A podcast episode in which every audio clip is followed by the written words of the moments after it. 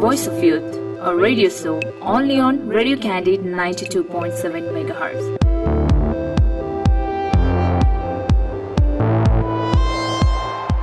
नमस्कार तपाईँ सुन्दै हुनुहुन्छ radio Candid ninety two point seven mega hertz voice of power अब कार्यक्रम प्रस्तुता सुभाष प्रधान उपस्थित भइसकेको छु र हरेक शुक्रबार बेलुकी साढे आठदेखि नौ बजी आउने गर्छ यो कार्यक्रम र यो कार्यक्रम यहाँले सुन्न सक्नुहुन्छ रेडियो क्यान्डिडेटको अफिसियल पेज हाम्रो पात्रको एप डाउनलोड गरेर पनि यो रेडियो सुन्न सक्नुहुन्छ। साथै पोडकास्टमा पनि यो कार्यक्रमलाई चाहिँ यहाँले सुन्न सक्नुहुन्छ देश विदेशमा रहेर पनि र साथै यसलाई चाहिँ खबर अपको पेजबाट पनि पढ्न सक्नुहुन्छ। आजको हाम्रो विशेष अतिथि हुनुहुन्छ कमल ढकाल सर हुनुहुन्छ लामो समयदेखि घोस्ट राइटिङ गर्नुहुन्छ र फरक तरिकाले आफूलाई चाहिँ प्रेजेन्ट गरिराख्नु भएको छ। मैले उहाँसँगको केही कुराहरू मैले उहाँको सोसियल मिडिया मार्फत र विभिन्न लेखहरू मार्फतमा पढ्न पाएँ। मलाई वास्तवमा मलाई एउटा aspiring, inspiring person लाग्यो in sense that we could learn lot of things from him as well so आज मेरो गेस्ट विशेष गेस्ट हुनुहुन्छ कमल सर यहाँलाई धेरै धेरै स्वागत छ कार्यक्रममा। Thank you so much sir मैले यसकारण विशेष भने कि धेरैजना नसोचेका कार्यहरू तपाईँले गरिराख्नु भएको छ। धेरैजनाको सपना धेरैजना कथाहरू तपाईँले आफ्नो कलम मार्फत लेख्नुभयो यो सोच एउटा युवामा कसरी आइपुग्यो? यस्तो हुन्छ जीवन चाहिँ तपाईँको कस्तो भने कम्बिनेसनमा आधारित संयोगमा आधारित हुन्छ। एक हप्ता अगाडिसम्म म यहाँ आउँछु भन्ने कुरो मलाई थाहा थिएन। होइन एउटा फोन आयो त्यसपछि यस्तो छ है। भन्यो र आज यो तपाईँको रेडियो क्यान्डिडेटमा आइपुगेँ म। हजुर। अब हजुरसँग मेरो पनि पहिलो भेट हो। अब यो भेट हाम्रो कसरी जान्छ पनि थाहा हुँदैन। त्यस कारण कति कुरा जिन्दगीमा कम्बिनेसनमा आधारित हुन्छ संयोगमा आधारित हुन्छ। र त्यो संयोग आउँदा तपाईँले त्यसलाई सकारात्मक सोध्नुभयो भने त्यसले पोजिटिभ वेमा लगिहाल्छ। हजुर। त्यो संयोग आयो त्यसलाई ठिकै छ नि भनेर छोडिदियो अब अथवा नेगेटिभ सोच्यो भने नेगेटिभतिर गइहाल्छ। हजुर। र जिन्दगी पनि त्यस्तै नै हो। हरेक जिन्दगीका एक एक पाटा एक एक कुराहरू संवेगमा आधारित हुन्छ। अब यो लेखनमा जोडिनुभन्दा अगाडि पनि म पत्रकारितामा थिएँ। हजुर। समाचार पत्र त्यसपछि च्यानल नेपाल राजधानी यसरी काम गर्दै थिएँ मैले। त्यहाँ एउटा कोलम लेख्थेँ गो हेड भने। त्यति बेला हामीले अब भनौँ न दस वर्ष बाह्र वर्ष अगाडि पन्ध्र वर्ष अगाडि देश द्वन्द्वमा थियो दुःख थियो। मान्छेहरूले पानी नपाउने बाटो नहुने बत्ती नहुने एउटा अकल्पनीय समयमा मान्छेहरू बाँचिरहेको त्यो बिचमा पनि मान्छे त अगाडि गइरहेछ नि भन्ने एउटा कोलम थियो मेरो गोहेड त्यसपछि किताब निक्ल्यो गोहेड दुई हजार उनसत्तरी सालमा। त्यसपछि मान्छेहरूले मलाई के भन्न थाले मेरो किताब लेखिदिनु न मेरो किताब लेखिदिनु न भन्न थाले। इभन तपाईँ काठमाडौँ गेस्ट हाउस नजिकै हुनुहुँदैछ कर्ण साक्याको म सक्छु भन्ने किताबमा मैले असिस्ट गर्न पाएँ। उहाँले उहाँको किताब लेखिरहँदा अरू मान्छे दुई तिनजनाले पनि मलाई लेखिदिनु भने मलाई थाहा थिएन घोस्ट राइडिङ कर्णसाके हि द वान पर्सन उहाँले चाहिँ पल फिल्म हजुर। उहाँले अमेरिकामा एउटा घोस्ट राइटरको बसेर गर्नुभएको छ। अनि उहाँले भन्नुभयो यस्तो छ भने। अनि मैले त्यस्तो अनलाइन पर्सन पढ्न थालेँ र नेपालमा चल्दै गयो अहिले तपाईँको अकल्पनीय लेखेर पनि मान्छे बाँच्छ र भन्ने कुरालाई लेखेरै बाँच्ने बनाउँदैछौँ हामीले। र मैले तपाईँको लेखहरू पनि पढिराख्दाखेरि तपाईँले रोजगारको सृजना पनि गरिदिनु भयो धेरैजना तपाईँका विद्यार्थीहरू हुनुहुन्छ उहाँहरूले केही समय अध्ययन गरेर पढेर तपाईँको बाटो पहिलाइराख्नु भएको छ। कहिले कहिले चाहिँ यो विद्या मैले मात्र राख्नुपर्छ जस्तो लागेन। तपाईँले त सेयर गरिराख्नु भएको छ। एक्लै हिँड्नुपर्ने ठाउँमा सबैले एकै साथ लिएर गइराख्नु भएको छ। सबैको ओठमा आँसु छरिदिइराख्नु भएको छ। त्यो पनि लेखनको मार्फत। यसमा केही प्रश्नाइदिनुहोस् न। कस्तो राम्रो तपाईँको एउटा पोजिटिभ प्रश्नमा पनि पोजिटिभ हुन्छ क्या। थ्याङ्क यू सर तपाईँको नाम पनि सुभाष र सुभाषमय जिन्दगी पनि होस्। यति राम्रो प्रोग्राम चलाउनु भएको छ। अब अपदिपो भन्छ भव भन्छ नि होइन बुद्धले? आफूभित्रको दियो। एक हजारजनालाई बाले पनि त्यो चम्किरहन्छ दियो उस्तै हुन्छ। हजुर। भन्नाले अब खुसी पनि त्यस्तै त हो नि। तपाईँले अर्कोलाई खुसी दिनुभयो भने अरूलाई खुसी बढ्दै बढ्दै जान्छ। तर मान्छे चाहिँ तपाईँको दियोले सिकाउँछ। एउटा दियोले सय हजार दियो बालेर हजारवटा दियो उज्यालो हुन्छ भने सिक्छ। तर मान्छे अर्कोलाई खुसी दिनु सक्दैन।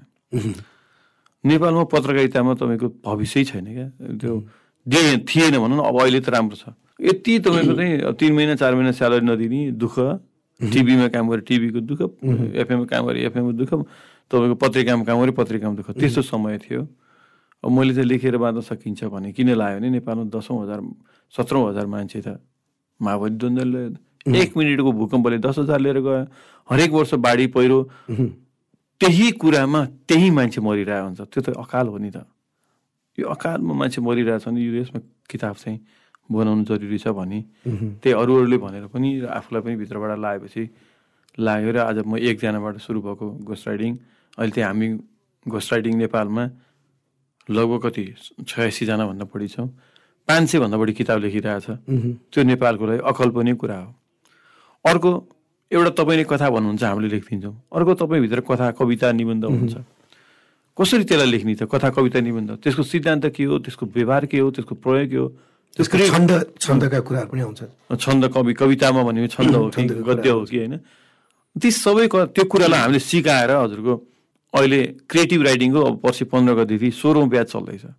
जोक होइन नेपालमा साहित्य पढाउने कसले सोध्छ त्यो कुरो? साहित्य पढाएर पढ्छ उर्वर भएर आउनुपर्छ भन्थे। मलाई त यो घोस्ट राइटिङ क्रिएटिभ राइटिङ दुइटैमा मान्छेले गाली गर्थे हेर्नुहोस्। समाजले तपाईँको चाहिँ अर्का किताब लेखिदिने किन लेखिदिने अर्का किताब? भन्ने एक वर्ग थियो। अर्को तपाईँको साहित्य पढाएर पढ्छ महाकवि कोटालाई कसले पढायो फलानलाई कसले पढायो तिनलाई कसले पढायो? किन हामी संसार बुझेका छैनौँ? घोस्ट राइटिङ आजभन्दा दुई सय सडसठी वर्ष अगाडि लन्डनमा चल्यो। संसारभरि चलिरहेछ। लब्ज प्रतिष्ठित संसारका मान्छे किताब मान्छेले पढ्छन् त्यो घोस्ट राइटिङ लेख्छ भन्ने कुरो जानकारी छैन। त्यसपछि क्रिएटिभ राइटिङ युनिभर्सिटी छ संसारमा। त्यसलाई हामीले सृजनात्मक लेखनको रूपमा यहाँ चलाउँदा त्यसको जानकारी छैन। त्यस कारणले अहिले तपाईँले जुन आफ्नो नाम जस्तै प्रश्न गर्नुभयो र त्यो नाम जस्तै प्रश्नको उत्तर त्यही अपतिपो भावमा गएर टुङ्गिन्छ। अरूको दियो बोलेर म खुसी हुन्छु नि त म। अरूको खुसीमा म खुसी हुन्छु नि त। त्यस कारणले मैले त एक दुई गर्दै छयासी जोडेर लग्यो। एक दुई गर्दै एक सय दुई सय पाँच सय हुँदै अहिले छ सात सय किताब लेखिरहेको छ। एक ब्याज दुई ब्याज हुँदै सोह्रौँ ब्याज तपाईँको तिन सय असीजना सोह्र तिन अडचालिस तिन सय भनौँ न तिन सय अडचालिस अडचालिसजना चाहिँ मान्छे पढिरहेछ भनेपछि। त्यो एउटा नेपालमा साहित्यमा सम्भावना रहेछ त? जस्तै जस्तै जुन लेखनका कुराहरू आउँछ होइन? वास्तवमा शब्द चयनका कुराहरू आउँछन्। अध्ययनका कुराहरू आउँछन्। कुनै व्यक्ति म यो गर्छु भन्दाखेरि उसले कति किताब पढ्नुपर्छ? उसले शब्दहरूको जुन सङ्ख्याहरू कसरी कलेक्ट गर्न सक्छन्? किनकि जति पढ्न सजिलो छ त्यो लेख्न त्यति नै कठिन छ। अहिलेको जुन जेनेरेसनले एउटा कलमको भरमा उसले लेख लेखिरहेको हुन्छ तर त्यो लेख टाइम ट्रीको हुन्छ। ऊ एउटा व्यक्ति एउटा युथले चाहिँ राइटिङमा पनि स्किल्स कसरी डेभलप गर्न सक्छ? कतिको ऊ अध्ययनरत हुनुपर्छ? किताबहरू जस्तै अब नेपाली साहित्यकै कुरा गर्दाखेरि उसले नेपाली किताबहरू पढ्नु पर्यो शब्दकोशहरू हेर्नु पर्यो। तपाईँले जब पढाउनुहुन्छ नि सिकाउनुहुन्छ नि नयाँ नयाँ युथहरूलाई वा नयाँ जेनेरेसनलाई सिकाउनुहुन्छ कस्ता खालका कुराले तपाईँले मोटिभेट गर्नुहुन्छ उहाँहरूलाई? यो पनि राम्रो प्रश्न गर्नुभयो किनभने युवाहरू लेखनमा आउनुपर्छ।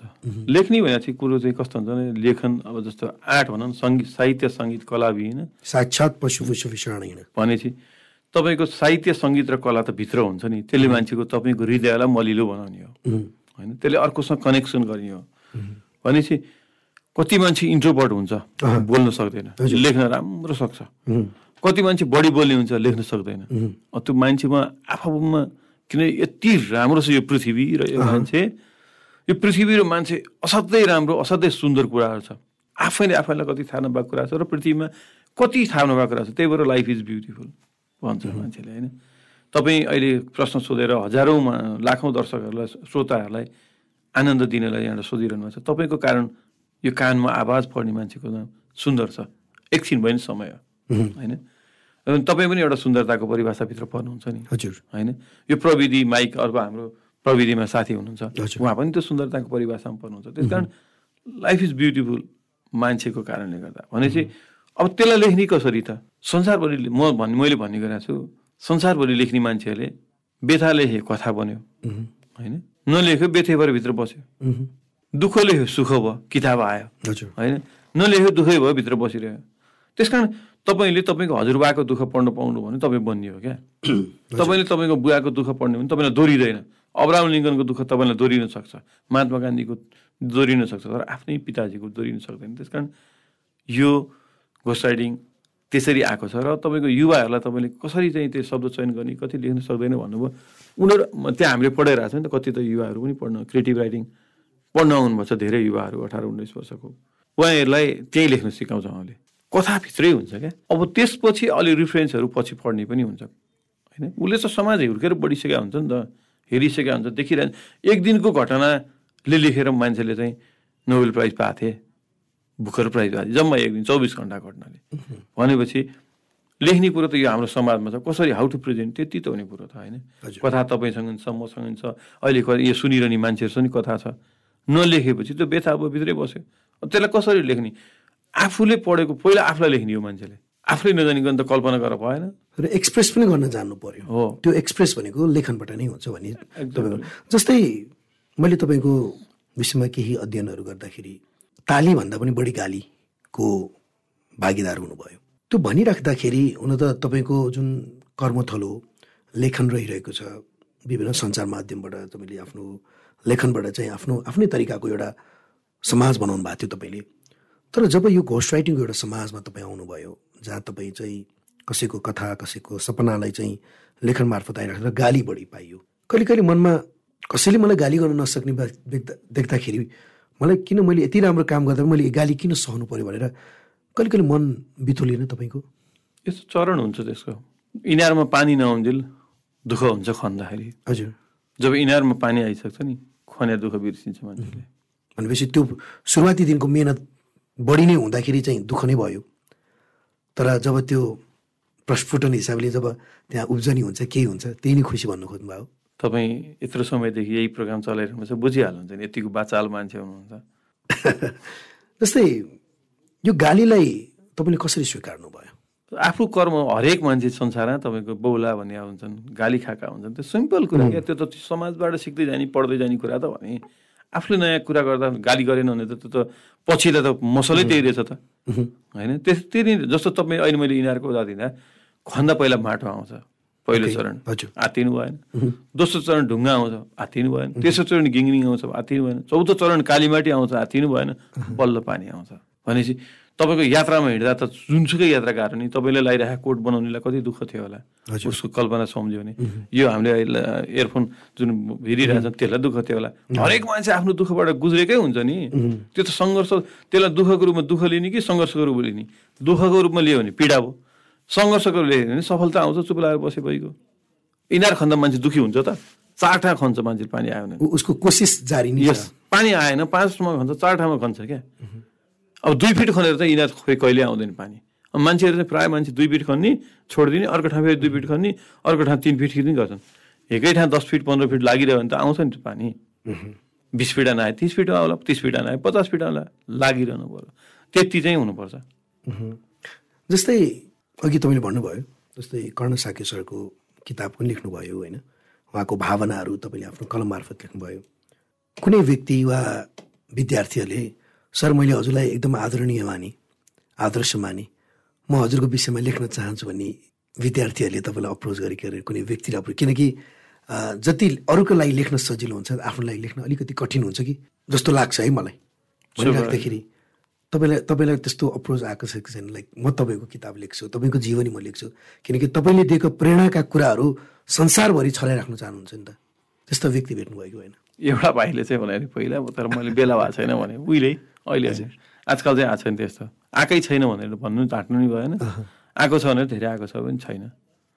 जस्तै तपाईँले लेखनकै कुराहरू गरिराख्दाखेरि मान्छेका सपना मान्छेका कल्पनाका कुराहरू उसका भिजनरीका कथा कथाहरू भन्नु स्टोरिजहरू पोर्ट्रेट गरिराख्दाखेरि जो व्यक्ति स्वयंले तपाईँलाई भनिराखेको कुराहरू उसले आफूले किताब आफूले पढ्दाखेरिको त्यो आनन्ददायी वा त्यसको भाव हुन्छ नि एउटा रोदन खुसी त्यो सबै मिसिएको हुन्छ।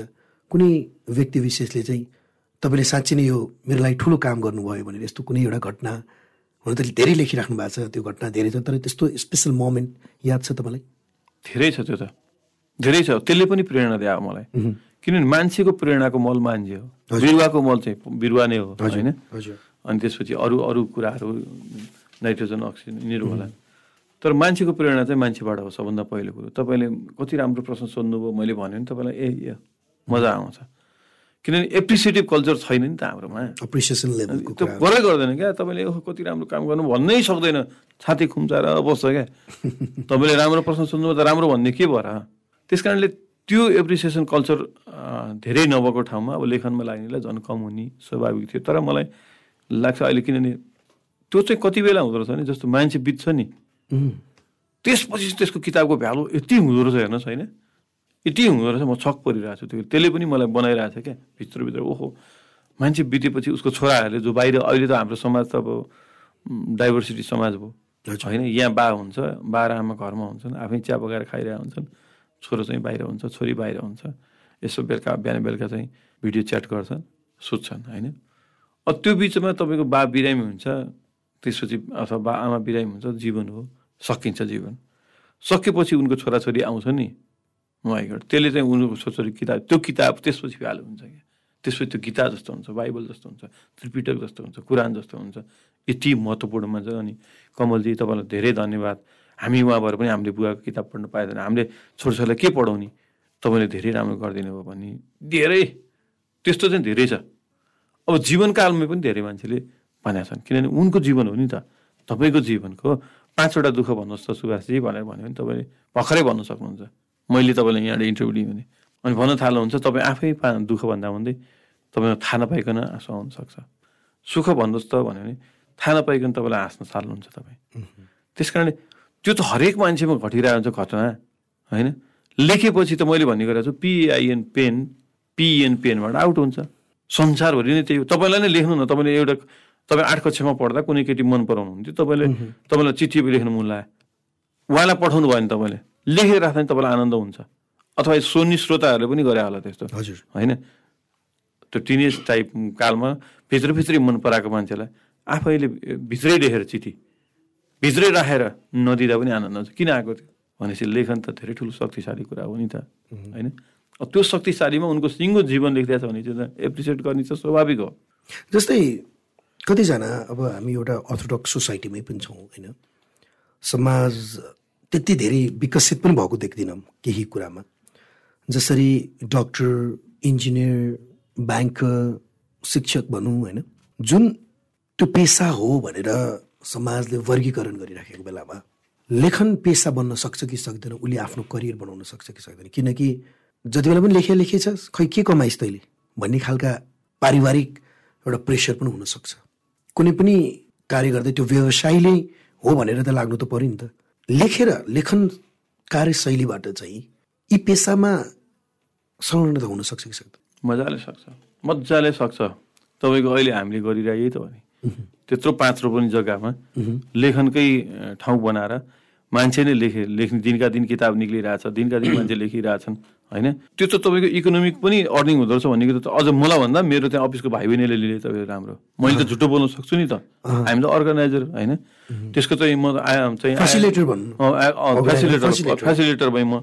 भनेपछि त्यसको कन्सेप्ट विचारोपण गर्ने मान्छे मैले त झुटमुट पनि बोल्न सक्छु नि। पक्कै पनि। तपाईँले त्यहाँको भाइ बहिनीले ल्याएर एकचोटि कुरा गर्नु न। एउटाले बाइक किनिरहेको हुन्छ अर्कोले जग्गामा पैसा हालिरहेको हुन्छ अर्कोले सेयरमा पैसा लेखेर लेखेर एक डेढ लाख कमाउँछन् हाम्रो भाइ बहिनीले जानु गएर एकचोटि सोध्नुहोस्। वाउ कस्तो राम्रो। तपाईँको त छक्क पर्छ मान्छेहरू। घोस्ट राइटिङले कमाउन सक्छ। यहाँ राइटरहरू एक दुईजना नाम नभनौँ। होल टाइमबाट त्यहाँ लेख्ने मान्छेले पचास साठी लाख कमाउँछ एक वर्षमा। लेख्न सक्छ भने लेख्न सक्नु पऱ्यो पैसा कमाइहाल्छ नि। मैले म म पनि त तपाईँको त्यो लेखनको पीडाबाट गुज्रेर आएको छु नि त मसँगै डक्टर हुने मान्छे बिस वर्ष अगाडि आज दुई लाख कमाउँथ्यो होला। मैले अहिले आर्टिकल लेखाइदिँदा तिन हजार।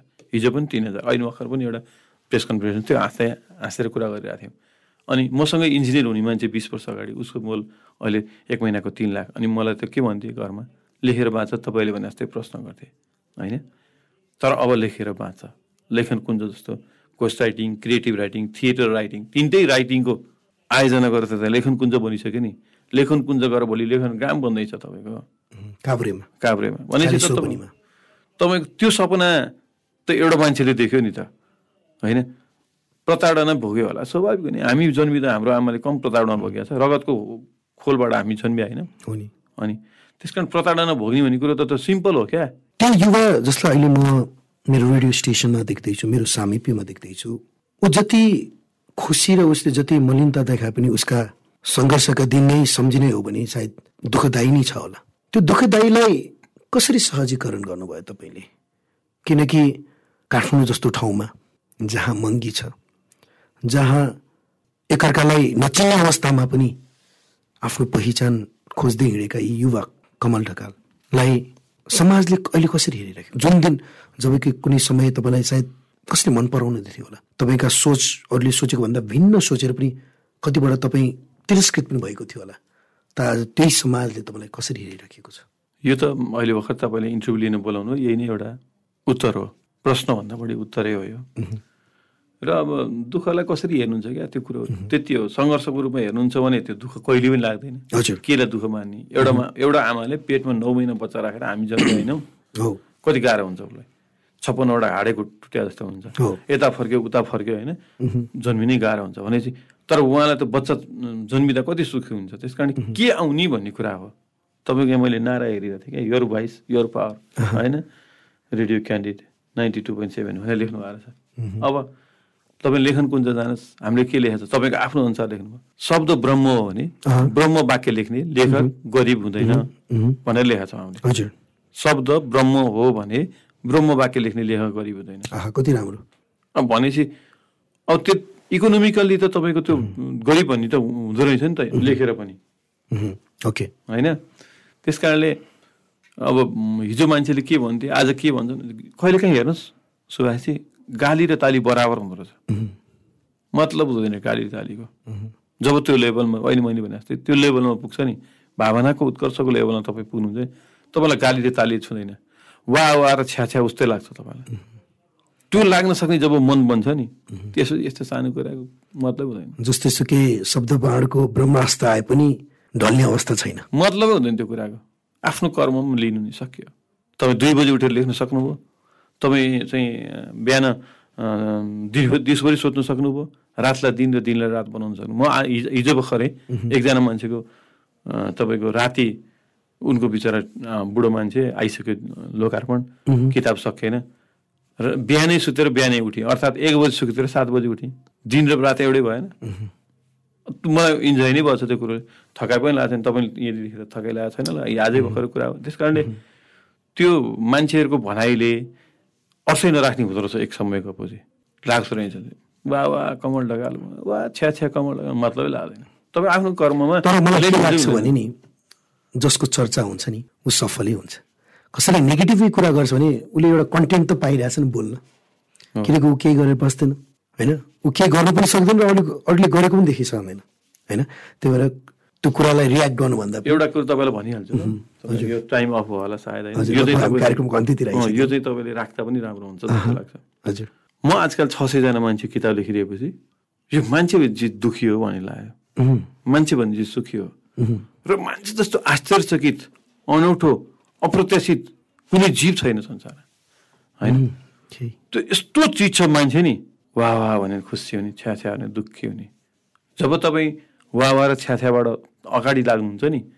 त्यसपछि त्यो तपाईँ चाहिँ संसारको पाँच पर्सेन्टभित्रमा पर्न खोज्दै हुनुहुन्छ दस पन्ध्र पर्सेन्ट पर्न खोज्दै हुनुहुन्छ। नत्र वाह वाह र छ्या छ्या दुःख दुःख र सुख लाग्ने बित्तिकै त तपाईँ त्यो चाहिँ सानो मान्छे हुँदो रहेछ। त्यस कारण यति अप्रत्याशित यति आश्चर्यचकित यति अनौठो यति रोचक त्यो चिज मान्छे हो पृथ्वीको। जब ऊ जन्मियो त्यसपछि यो संसारको फुलको व्याख्या भए रङका व्याख्या भए नदी नालाका व्याख्या भए नत्र त तपाईँको फुलहरू फल्थे झर्थे। रङहरू आउँथे जान्थे। त्यस कारण त्यो मान्छे हामी जन्मेर आछौँ उसले दुःख मान्नुपर्ने कुरा छ? त्यत्रो दुःखलाई जितेर त आइसक्यो त पृथ्वीमा। हरेक मान्छे मैले त अवतार देख्छु हेर्नुहोस्। के को अवतार हो? अब तपाईँ के को अवतार हो? कतिवटा काम गर्नुभयो होला। एउटै काम गर्नुहोस् तपाईँ त्यसको अवतार हुन्छ। होइन? एउटै काम गर्ने एउटै काम गर्ने बित्तिकै तपाईँको त्यसको चाहिँ पन् पन्ध्र बिस वर्ष जति दुःख गर्नुहोस् न सुख त्यहीँ आइहाल्छ। त्यही तपाईँ राजादेखि रङ्कसम्म मान्छे भेट्छ। त्यही तपाईँलाई सबै कुरा आउँछ भनेपछि यस्तो राम्रो पृथ्वीमा जन्मेर अनि दुःख मान्ने। अनि फलानले तपाईँले चाहिँ त्यसले त तपाईँलाई राम्रो भनेन नि। त्यसलाई त त्यहाँ खोजिदिने क्या भनिदिने। अरे राम त्यस्तो कुरा गरेर मान्छेहरू बिताउँछन्। भनेपछि हामीले जुन समय पाएका छौँ यो जुन धरतीमा आएका छौँ हामीले कुनै न कुनै राम्रो कार्य गरेर जानुपर्छ जस्तो लाग्छ। जुन तपाईँले आज सबैका सपनाहरू सबैका कथाहरूलाई लेखन मार्फत गर्नुभएको छ र पक्कै पनि आज यो जुन इन्टरभ्यू रह्यो sir that was personal inspiring to me है। हुन त म त्यस्तो लेख्ने मान्छे त होइन। तर पनि केही समय अगाडि लाइक आठ नौ वर्ष अगाडि मैले चाहिँ आर्टिकल्सहरू पनि लेख्थेँ इङ्ग्लिसमा। सो धेरै नै पढ्नु पर्थ्यो र एउटा एड एडिक्सन जस्तो पनि हुँदो रहेछ। किताब पढ्दाखेरि चाहिँ त्यहाँ सपनाहरूका त्यहाँ चित्रहरू चित्रण हुन थाल्थे त्यति बेला पनि मेरा पनि होइन? तर मलाई एकदम खुसी लाग्यो। आज एउटा कुशल लेखक जो धेरैजनालाई एउटा साथ लिएर हिँडिराख्नु भएको छ र पक्कै पनि आजको प्रोग्राम इन्सपायरिङ रह्यो जस्तो लाग्छ। र what I would like to say to all the listeners is let's write, let's pour our stories होइन? हामीले आफूलाई कहिले पनि नरौँ thank you so much sir र जाँदा जाँदै के भन्न चाहनुहुन्छ? म के भन्न चाहन्छु भने म त लेखौँ र लेखाउँ पढौँ र पढौँ भनेर हिँड्ने मेरो जिन्दगी नै यसमा हो। तल मेरो खुट्टादेखि मेरो टुप्पीसम्म यही नै मेरो चाहिँ जिन्दगीको लक्ष्य हो। म यसबाट विचलित हुनु छैन। पनि तपाईँको म तपाईँ लेख्न आउँदैन भन्यो भने तपाईँ के गर्नुहुने? तपाईँको हजुरबा हजुरआमा बा आमा हेर्दा हेर्दै आकाशको तारा हुन्छन्। झर्छ एक दिन त्यो एटलिस्ट लेखेर राखिदिनुहोस्। सम्पूर्ण युवाहरूलाई भने मैले। त्यो एकदमै इन्सपिरेसन कुरा हुन्छ। आज तपाईँलाई नलाग्ला त्यो कुनै दिन तपाईँ घोस्ट राइडिङ नेपाल आउनुहोस्। कुनै दिन त्यहाँ लेखन कुञ्ज थापा गाउँमा छ त्यहाँ आउनुहोस्। तपाईँको कथा लिएर आउनुहोस्। त्यसलाई हामी बनाऊँ। भोलिको दिन त्यसले राम्रो बनाउँछ। यति भन्न चाहन्छु। थ्याङ्क यू सो मच तपाईँले बोलाउनु भयो। Thank you so much Kamal sir thank you so much it's a great honour to have you my so voice of youth र पक्कै पनि आजको प्रोग्रामले धेरैजना युथलाई चाहिँ मोटिभेट पनि गरेको छ। त्यो पनि राइटिङ मार्फत क्रिएटिभ राइटिङ मार्फत र यति भन्दै आज बिदा हुन चाहन्छु। सुन्दै गर्नुहोस् radio Candid ninety two point seven mega यो भोइस यो पावर गुड नाइट